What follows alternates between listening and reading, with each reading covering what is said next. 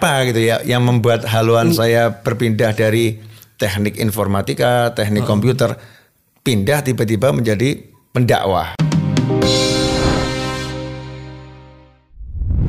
Assalamualaikum warahmatullahi wabarakatuh. Waalaikumsalam. Alhamdulillah wassalatu wassalamu ala rasulillah. Sobat TKNN, apa kabar nih? Semoga makin semangat. Hari ini kita akan melanjutkan perbincangan dengan Habib Novel masih di kediaman beliau.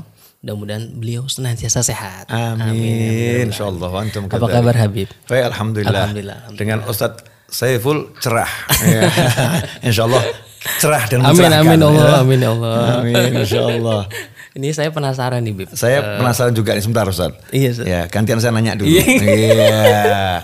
Udah nikah belum? Alhamdulillah. Oh ya udah nggak jadi deh. Lanjut. Jadi. jadi para TKN eh, TKNN eh, yang yang melihat ya acaranya di mana berada, silahkan patah hati karena beliau sudah menikah. Ya. Insya Allah. Masya Allah. Eh, pengen tahu nih. Pengen nambah? Jangan, jangan, dulu, jangan nambah.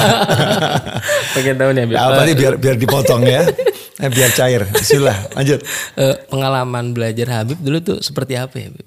Ah, Kok belajar. bisa bisa jadi apa namanya? Jadi dai, mubalik, bikin majelis. Penasaran tuh. Oke. Saya nggak pernah menyangka jalan hidup saya seperti ini. Hmm. Bukan cita-cita berarti ya? Iya. Nah, kalau bicara bukan cita-cita nanti dulu. Oke, Iya, siap. Oke, insya Allah. Eh, tapi jalan hidup saya sampai sampai ada Ustadz Saiful cerah mewawancarai saya sekarang. Ya, kita buat podcast bersama ini nggak pernah terbayangkan. Karena dulu saya itu sekolah memang betul biasanya masyarakat di Pasar Kliwon Solo itu kalau zuriyahnya Rasulullah SAW atau yang lain pun sekolah agama masuknya di TK, SD, SMP, SMA, Islam pendidik di Ponorogo. Ya, baik kecuali yang laki SMA-nya waktu itu belum ada laki-laki. Jadi sampai SMP Islam di Ponorogo. Artinya ya sekolah Islam ya, sekolah Islam.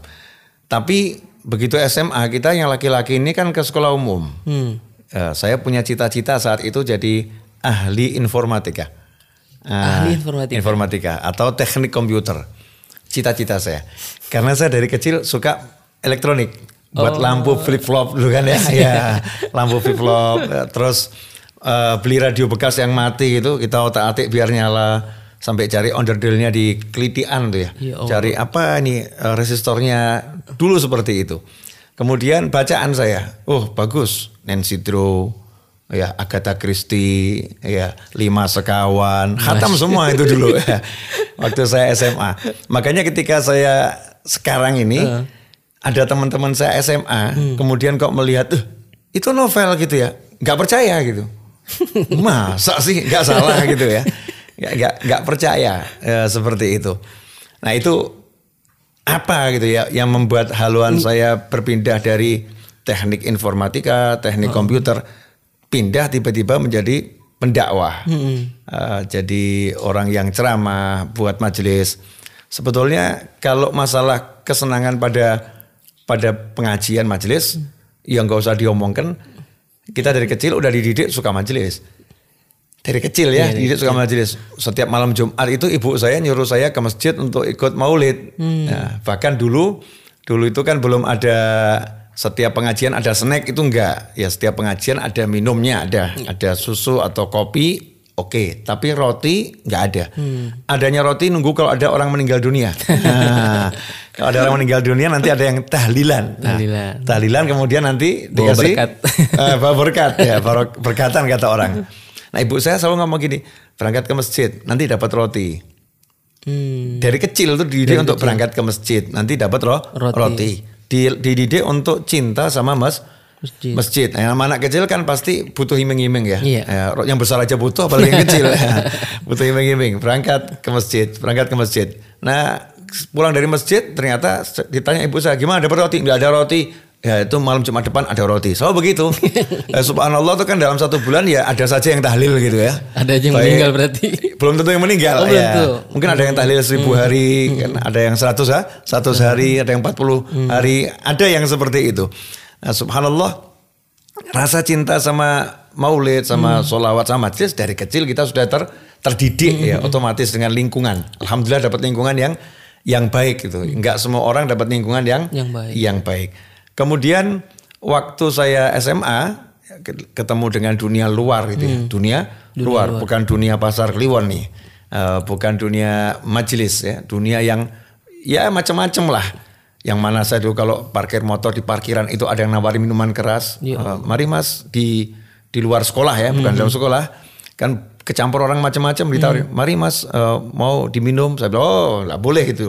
nggak boleh. Walaupun kita kumpul waktu itu dengan berbagai macam orang, kita kan punya pakem ya. Karena terdidik sama lingkungan yang baik waktu itu. Nggak boleh itu, haram, nggak boleh diminum yang seperti itu. Nah, terus saya pengen kuliah di ITB atau ITS. Oh, ambil teknologi. Iya tadi informatika, atau teknik komputer. Kebetulan ibu saya tiba-tiba ngucap, padahal saya udah belajar itu kelas 3 selama setahun di bimbingan tes. Bahkan saya jadi tentor di situ. Kalau misalnya gurunya nggak masuk, saya ngajar. Nah, saking apa? Lamanya saya ikut belajar dan senang belajar di situ. Sampai suka buat rumus-rumus praktis untuk jawaban-jawaban. Subhanallah, ketika mau daftar ke perguruan tinggi, ibu saya bilang kamu tidak boleh ke Bandung, nggak boleh ke Surabaya. Ya, nggak boleh. Jadi nggak boleh ke luar kota jauh, jauh. Kalau mau kuliah ya di Solo saja. Nah, di Solo saat itu tidak ada tuh teknik informatika, teknik komputer tidak ada. Sehingga saya ya patah hati. Ah, Lah ngapain saya kuliah eh, di perguruan tinggi mana pun mau di Jogja, mau Nggak di jurusannya. di Solo. Kalau jurusan yang saya inginkan enggak, enggak ada itu. Nah saat itulah kemudian saya tidak melanjutkan ke kuliah. Jadi saya tetap ikut ujian, tapi semua soal saya ngawur tuh jawabannya tuh ya, biar nggak keterima. Karena kalau keterima semakin semakin apa namanya, aduh keterima nggak boleh sama ibu gitu kan. Karena buat saya ibu segala-galanya. Jadi ibu bilang nggak boleh, ya udah nurut. Nah setelah itu ada jeda waktu. Saya berpikir tahun depan saya mau coba melamar apa me- merayu ibu saya biar diizinkan. Nah untuk mengisi waktu setahun ini, terus saya merayu ibu saya untuk pergi ke pesantren. Ya, untuk belajar bahasa Arab. Karena kakek saya almarhum Habib Muhammad Ali terus pernah mengatakan, kalau kamu bisa bahasa Arab, nanti kamu bisa ilmu laduni. Bisa ilmu Pad- laduni. Padahal nggak ada kaitannya tuh bahasa Arab sama ilmu laduni, nggak ada. Tapi ini ucapan kakek saya, kalau kamu bisa bahasa Arab, nanti kamu bisa ilmu laduni. Saya waktu itu eh, seneng sama ilmu laduni kan enak tuh nggak usah belajar pinter kan begitu ya, nggak usah belajar pinter, Eh, seneng saya. Akhirnya saya ngerayu ibu saya biar diizinkan ke pesantren, enam bulan saja gitu saya eh, bilang waktu itu diizinkan ya dengan syarat betul-betul enam enam bulan. Akhirnya nyantri di pondok pesantren Darul Dakwah di Pasuruan di Raci itu. Nah enam bulan bisa bahasa Arab. Terus kakek saya bilang kamu sudah bisa bahasa Arab, berarti kamu sekarang sudah bisa dapat ilmu laduni. Nah itu kan masih ada jeda waktu itu menunggu setahun. Iya. Saya apa namanya eh, datang ke masjid, kemudian kebetulan khotib Jumatnya itu berhalangan. Hmm. Nah di situ ada yang tahu ini novel ini dari pondok ini. Tolong kamu yang gantikan ya. Asalnya di situ. Nah ternyata suka itu orang-orang suka. Kemudian ngomong sama masjid-masjid yang lain kalau butuh ustadz cadangan novel saja itu gratis gitu kan ya. Kemudian juga menyenangkan kata mereka. Dari situ akhirnya bukan cuma masjid sekitar diminta ke pelosok-pelosok Solo tuh. Terus sampai akhirnya eh, saya juga pernah diminta Ustadz Yusuf Mansur jadi cadangan juga. Ya Habib saya mau pergi keluar pulau, tolong nanti di TPI, waktu TPI ya, Habib yang ceramah ya gitu ya. Sampai segitu. Sampai apa namanya judulnya sebagai penggan, pengganti cadangan. Eh, Jadi suka, suka ngajar, suka menyampaikan il, ilmu. Sampai akhirnya ibu saya melarang saya buat pengajian di rumahnya orang. Dulu saya itu pengajian buat majlis di rumahnya orang. Oh, keliling. Eh, Kalau keliling ngajar oke, tapi buat majelis tetap majelis saya, Oh, majelis. tapi numpang di rumahnya orang. Ibu saya bilang jangan di rumahnya orang, di rumahmu sendiri walaupun kecil.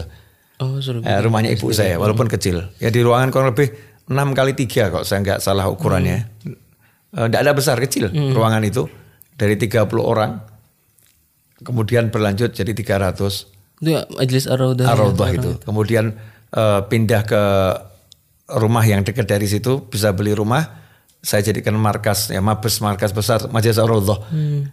naik 700 orang, ternyata nggak muat. Kemudian kita bangun tiga lantai, nggak muat. Kita beli lagi tanah, nggak muat. Itu karena sumpah ibu saya. Kalau kamu berhenti berdakwah, ibumu tidak ridho dunia akhirat. Allah. Nah, jadi saya mau ndak mau ya harus mau.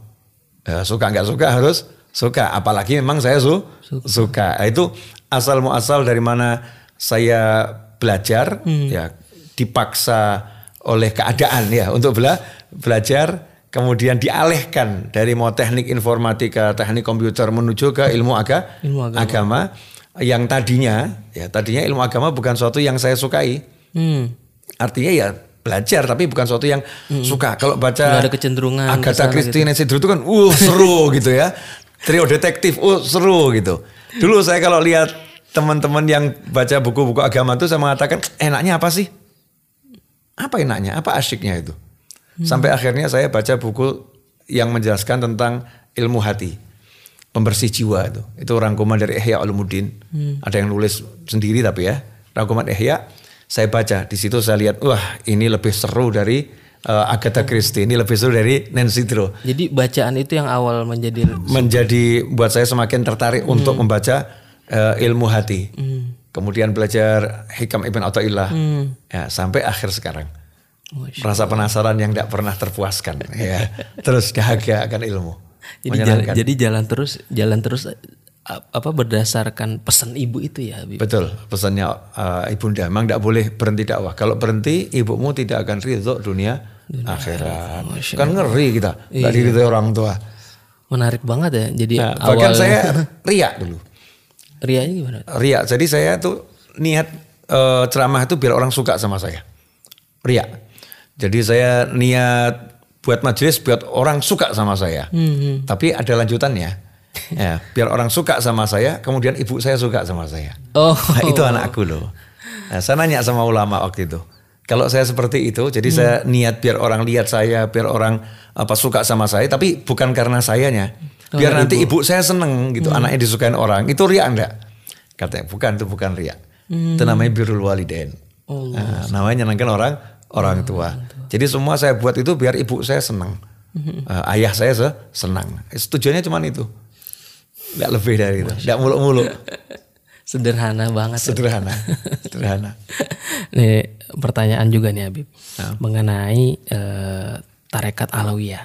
Eh, wah. Salah satu prinsip tarekat alawiyah apa eh, tarekat alawiyah itu kan kata Habib itu meninggalkan senjata, meninggalkan politik. Eh, mungkin bisa dijelaskan ya Habib apa latar belakang itu bisa terjadi Ya, jadi Tariqah Alawiyah ini salah satu tokoh utamanya adalah Sayyidina Al-Faqihil Muqaddam. Eh, Julukannya Al-Faqihil Muqaddam itu julukan ya. Jadi ahli fikih yang ternama yang tersohor. Eh, beliau dilantik jadi murid oleh eh, Abu Madian Al-Maghribi. Hmm, Abu dilantik ya Syekh Muhammad al-Maghribi. Jadi dilamar jadi muridnya. Eh, bukan melamar jadi murid, ya dilamar jadi muridnya agar orang-orang tahu ini loh ada cucu Nabi yang punya torikoh yang luar biasa. Kalau nggak dilabelin sama Abu Madian al-Maghribi, maka nanti orang nggak kenal. Karena tinggal di Hadramut, di pedalaman ya. Eh, nggak kumpul sama orang. Begitu Syekh Abu Madian al-Maghribi rahimahullah ngomong begitu, orang-orang kaget. Apa ini eh, torikohnya Al-Faqih Al-Muqaddam itu. Mulailah orang belajar. Nama beliau Muhammad bin Ali Ba'alawi. Nah, Syekh Al-Faqih Al-Muqaddam ini punya satu semboyan yang eh, sangat luar biasa.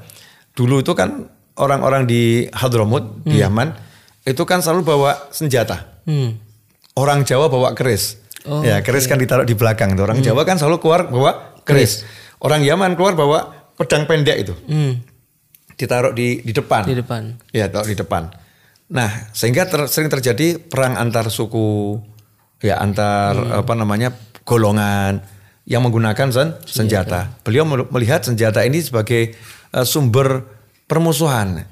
Ya, banyak terjadi pertumpahan darah, orang nggak sengaja akhirnya bisa membunuh orang, melukai orang. Karena itulah kemudian beliau membuat satu kalimat yang dipakai sampai sekarang ya oleh seluruh Bani Alawi, eh, kasrus saif. Toriko Alawiyah ini akan patahkan senjata lahiriah ini. Jadi kalau dulu pedang ya pedang dipatahkan. Kalau sekarang apa pun jadi senjata lahiriah itu dipatahkan. Pokoknya tidak mau menggunakan kekuatan fisik. Anti Ya. kekerasan. Anti kekerasan. Nah, terus yang dipakai apa? Kekuatan hati. Kita punya punya pedang adalah pe- pedang-pedang hati. Pedang. Kekuatan hati dengan zikir, dengan doa, dengan ilmu, dengan akhlak. Beliau melihat ini lebih lebih mampu untuk merubah. Hmm. Karena perintahnya Rasul itu SAW untuk falyughayyirhu. Hendaknya dirubah. Bukan dihilangkan. Bukan dimusnahkan. Bukan diperangi. Ya, bukan. Jadi kalau kamu lihat kemungkaran, kata Rasulullah SAW, uh, falyughayyirhu biyadih. Man ra'a minkum munkaran falyughayyirhu biyadih. Fa illam yastati fa bilisani. Fa illam yastati fa biqalbi. Fadzalika adaful iman. Siapa di antara kalian melihat kemungkaran hendaknya dirubah dengan tangannya. Kalau nggak mampu dengan lisannya. Kalau nggak mampu dengan hatinya, maka itulah bagian iman yang paling lemah. Nah, terlepas perbedaan pendapat ulama dalam menafsirkan fadzalika adaful iman. Ada mengatakan yang dengan hati itu bukan dari dhu'af bukan lemah tapi mudha'afah. Hmm, Ya, itu yang paling paling besar yang dengan hati itu. Yang dengan hati yang paling ku, Kuat. kuat justru paling utama dengan hati. Nah, dengan eh, senjata dengan tangan itu diartikan penguasa.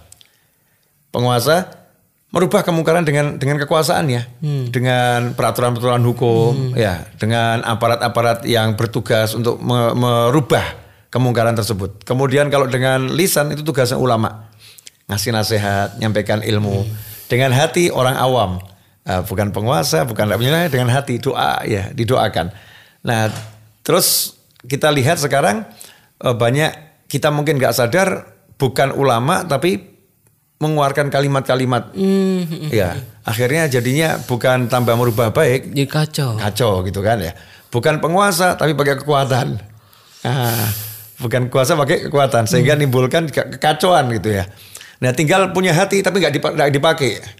Eh, yang awam punya hati juga nggak dipakai. Yang ada cuman kritik sana kritik sini nggak mau mendoakan.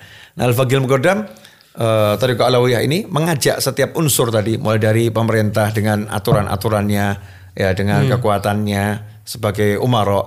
Kemudian ulama dengan il, ilmunya, masyarakat dengan dengan hatinya. doanya.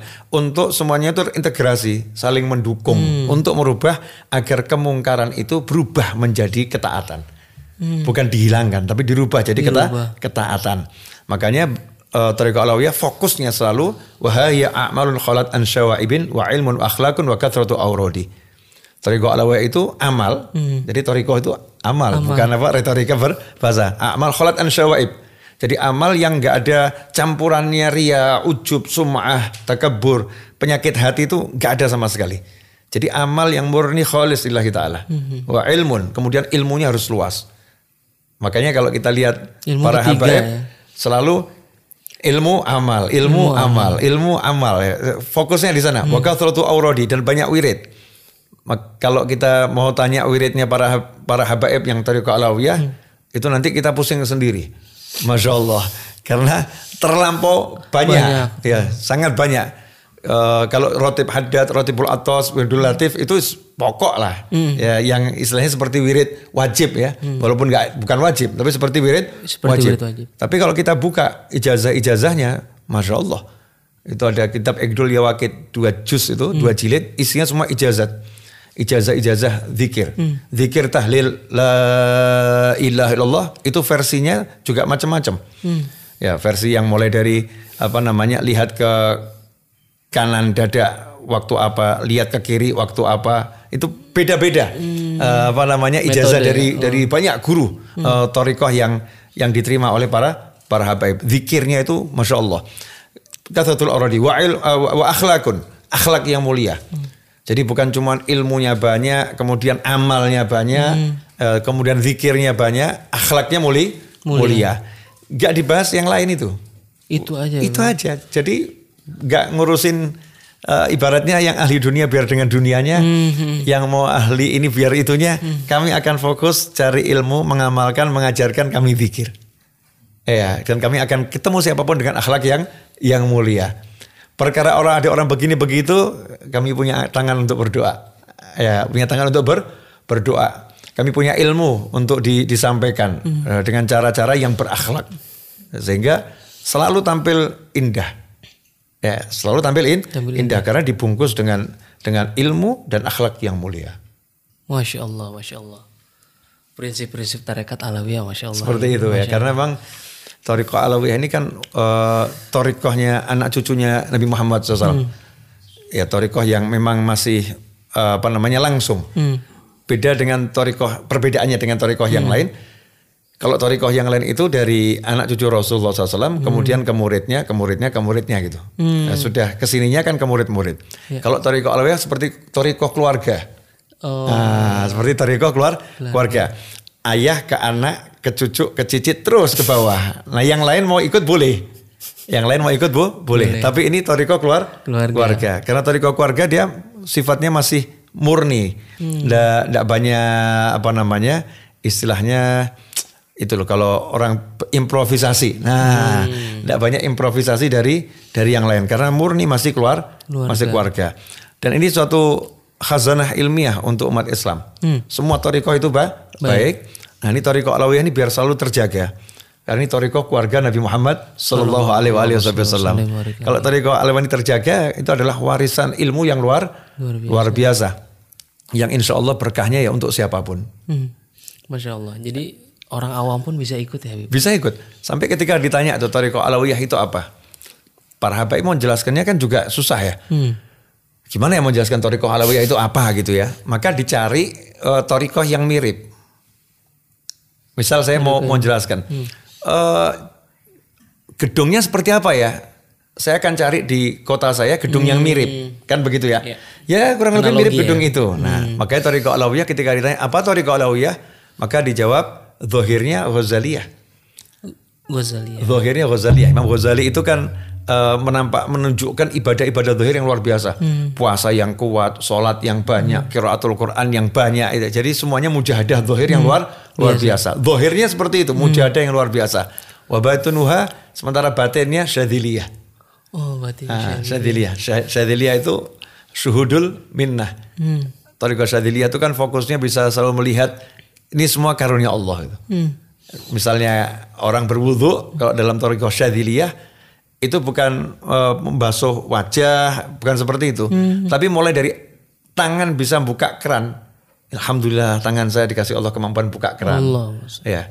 Kemudian airnya apa namanya netes itu, alhamdulillah nggak usah cari air jauh-jauh. Allah antarkan airnya ke ke sini. Kemudian airnya basuh di wajah, alhamdulillah ini dosa saya bergu, berguguran. Allah menggugurkan dosa saya dengan saya dimudahkan berwudu. Jadi bukan saya berwudu, jadi Allah yang mewudukan saya. Nah, itu batinnya syadiliyah begitu.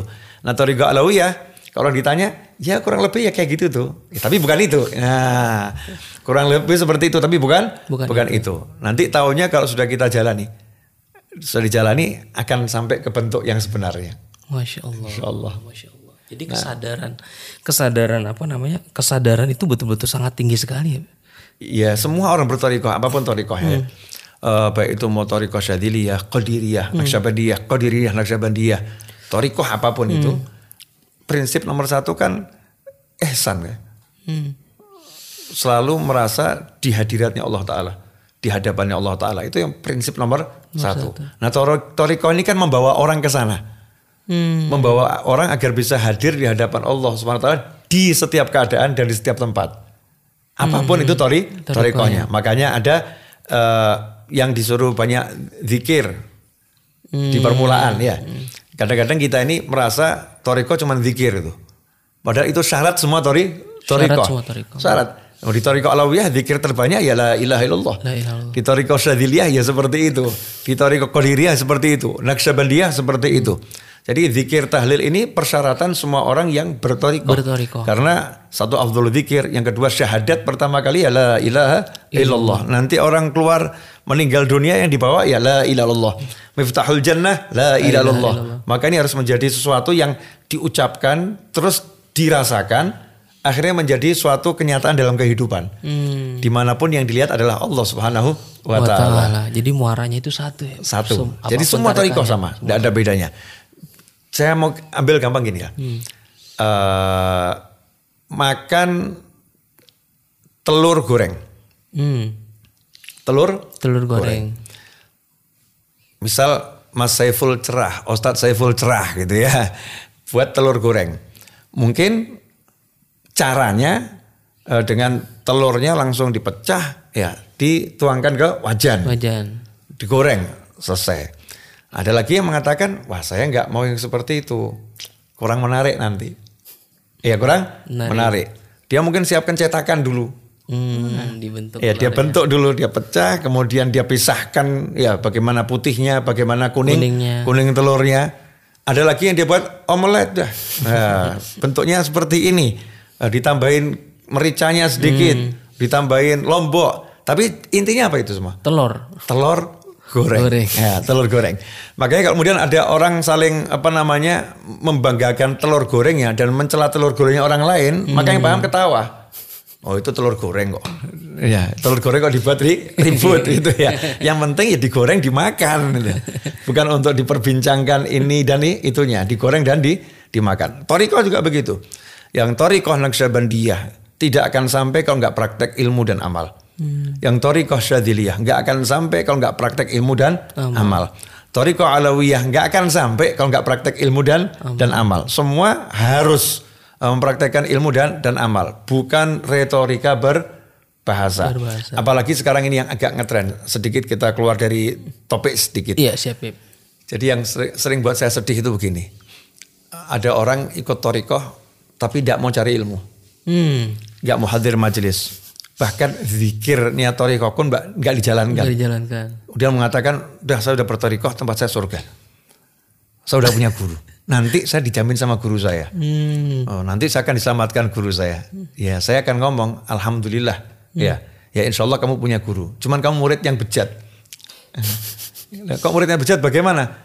Yang namanya murid itu meringankan gurunya. Ini kamu murid yang buat susah gurumu. nih. ya, murid yang buat susah gurumu. Kalau jadi murid itu yang nyenengin gurunya, sehingga ketemu gurunya, gurunya nggak perlu capek-capek, ya. nggak sampai gurunya lihat wajahnya dia sudah sun, sudah suntuk. Itu kalau murid yang yang baik. Nah bertoriko bukan seperti itu. Eh, kita lihat dulu orang mau diterima jadi murid toriko. Hmm. Kita lihat ya asalnya itu. Asalnya. Contoh itu ada namanya eh, Syekh Umar Bamakhromah. Hmm. Syekh Umar Bamakhromah ketika mau belajar kepada Syekh Akhdar itu di diujinya mau jadi murid ini ya. Makanya kan tidak gampang orang saya muridnya enak bener ngaku baca zikirnya terus ngaku muridnya gitu ya.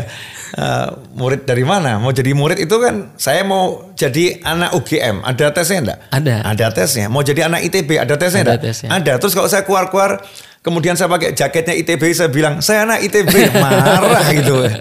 Betul kan ya? Betul. Eh, saya misal ya saya baca rotib terus saya bilang saya Toriko Alawiyah nanti dulu gitu kan.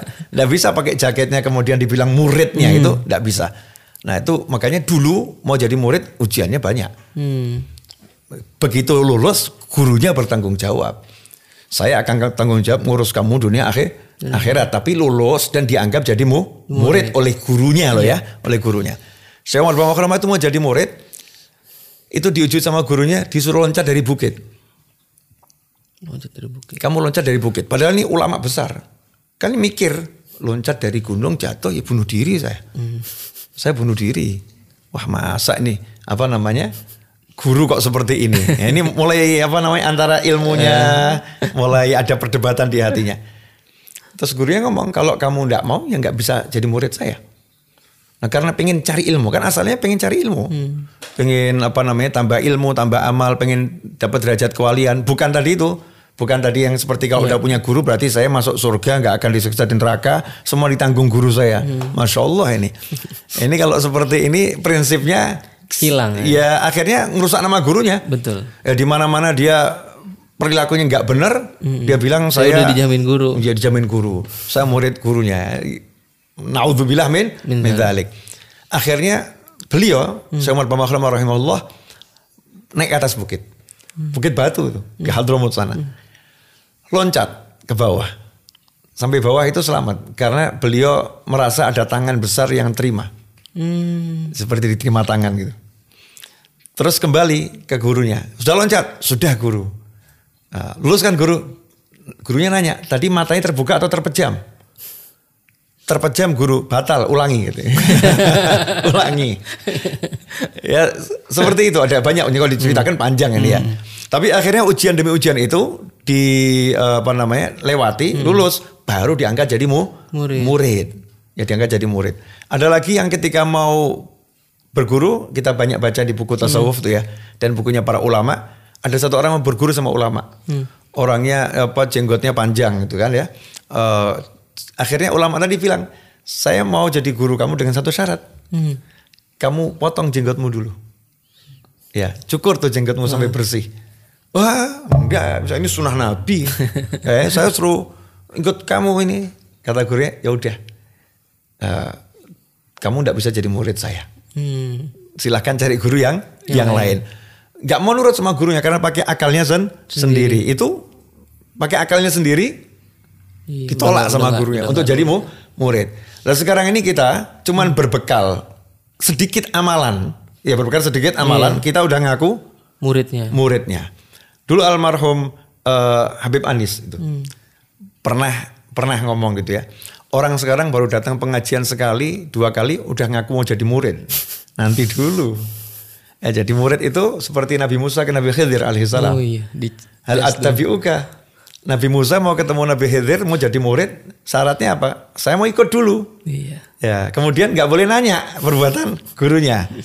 Ya, setelah Nabi Musa itu melanggar tiga kali berturut-turut, sama Nabi Khidir putus hubungan, kamu nggak bisa jadi murid, murid saya. Ikut, jadi tahu. Oh, gurunya kalau lagi ada tamu seperti ini. Oh, kalau tamunya ulama, cara hormatnya seperti ini. Oh, kalau tamunya ini cara melakukannya seperti ini.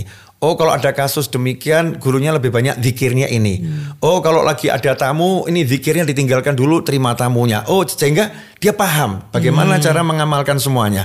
Itu baru namanya mu murid. Nah, kalau sekarang saya lebih suka mungkin kalimatnya simpatisan torikoh, bukan murid torikoh. Simpatisan Tori. Ya, simpatisan torikoh. Jadi, bukan orang murid, orang nggak bisa sembarangan ngaku-ngaku jadi Oh iya, murid. Ngeri.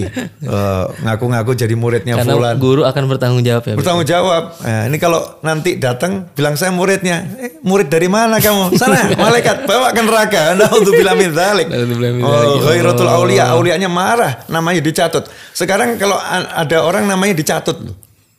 Orang Oh, ini iya. berbuat nggak benar terus bilang saya pengikutnya dia. Marah kan ini mencatut nah nama. Ini kita mencatut namanya aulia.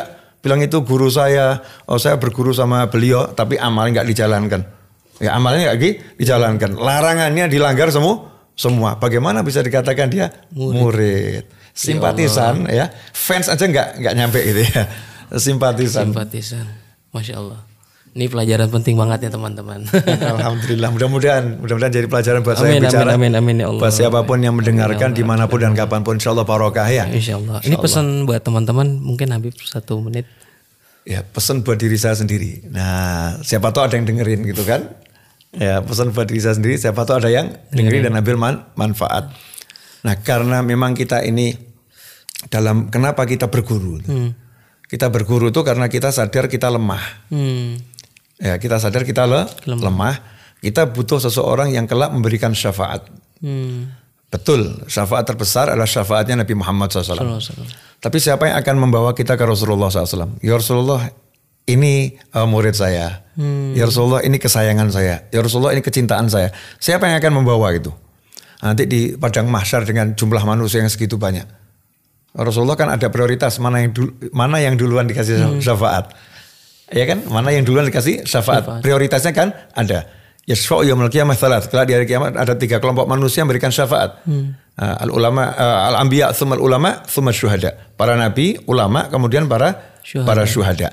Nah, kita dengan keterbatasan semua amal dan ilmu kita, kita butuh sosok manusia yang nanti bisa menyelamatkan kita di dunia dan di akhirat, dengan syafaatnya tadi. Dengan pertolongannya tadi. Di situlah makna berguru. Jadi kita cari guru tuh untuk nyelamatin kita. Betul ya. Tapi dengan sadar amal kita terbatas. Artinya kita beramal semaksimal mungkin agar guru itu menerima kita. Jadi bukan nggak punya amal terus mau apa namanya saya Ngaku-ngaku. murid ngaku-ngaku enggak. Justru kita deketi guru itu dengan amal kita sampai guru mengatakan ini murid saya. Allah. Ya, ini murid saya. Nah kadang murid sejati itu nggak dikenal orang. Murid sejati itu kadang nggak dikenal, nggak dikenal orang. Mungkin dia nggak tersohor, mungkin dia nggak dipandang sama sama orang. Tapi di akhirat sana gurunya selalu lihat, ya ini murid saya. Ya ini murid murid saya.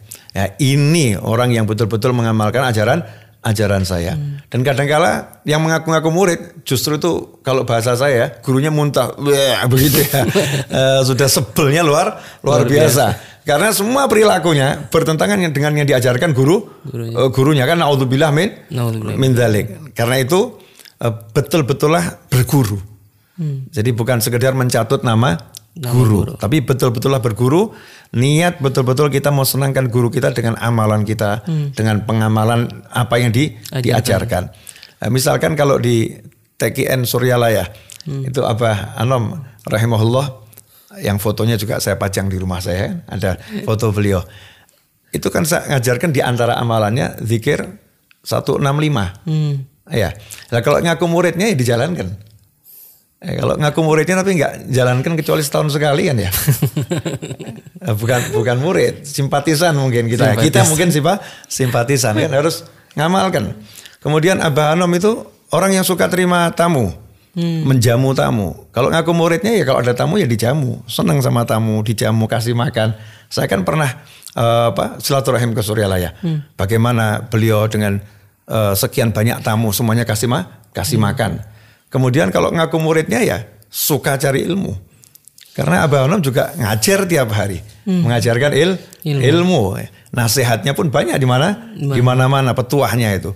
Sehingga ta'allum wa ta'lim ini ja, jalan. Nah itu baru kita betul-betul nanti bisa ngomong ke Abah Anom, bah muridmu. Nah bisa ngomong kita bisa ngomong bah muridmu. Jangan sampai naudzubillah min dzalik saya misalnya Toriko Alawiyah, saya datang ke Al-Fagil Mugodam, Al-Fagil Mugodam, saya murid, murid dari mana kamu novel gitu ya? Kamu cuma nebeng nasab tapi nggak punya, nggak berto, nggak bertoriko kamu. Diusir di alam sana kan naudzubillah min min. Jadi buat kita kita ini yang ngaku murid muridnya siapa pun, ya ngaku muridnya siapa pun, buktikan di hadapan gurumu kalau kamu itu muridnya, bukan buktikan di hadapan manusia. Kita bisa bohongi manusia banyak, tapi kita nggak bisa bohongi guru kita. Masya Allah, Masya Allah, Masya Allah. Alhamdulillah Habib.